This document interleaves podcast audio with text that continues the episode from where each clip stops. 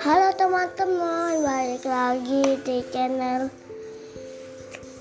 di channel Danis. Hari ini Papa akan cerita dongeng. Baik Ade Danis, kita akan bercerita dongeng tentang si Raja Rimba yaitu adalah harimau. Kok bisa ya harimau disebut si Raja Rimba? Ade Danis tahu kak? Nggak tahu. Nggak tahu.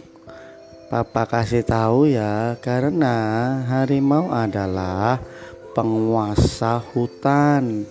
Dijuluki penguasa hutan karena dia adalah binatang yang sangat kuat dan hebat. Giginya tajam, larinya cepat. Sedangkan yang bisa menyaingi harimau itu jarang sekali. Dan dia dijuluki penguasa hutan karena dia memakan semua musuh-musuhnya dengan sangat lahap dan ganas. Nah, dari itu kalau kita pergi ke kebun binatang pasti kita akan melihat harimau yang selalu mau-mau. Adang sudah pernah pergi ke kebun binatang belum? Lihat harimau, siapa yang sudah lihat harimau? Danis sudah. Dani sudah. Harimaunya gimana? Besar, kecil, galak atau enggak? Nggak galak, cuma besar.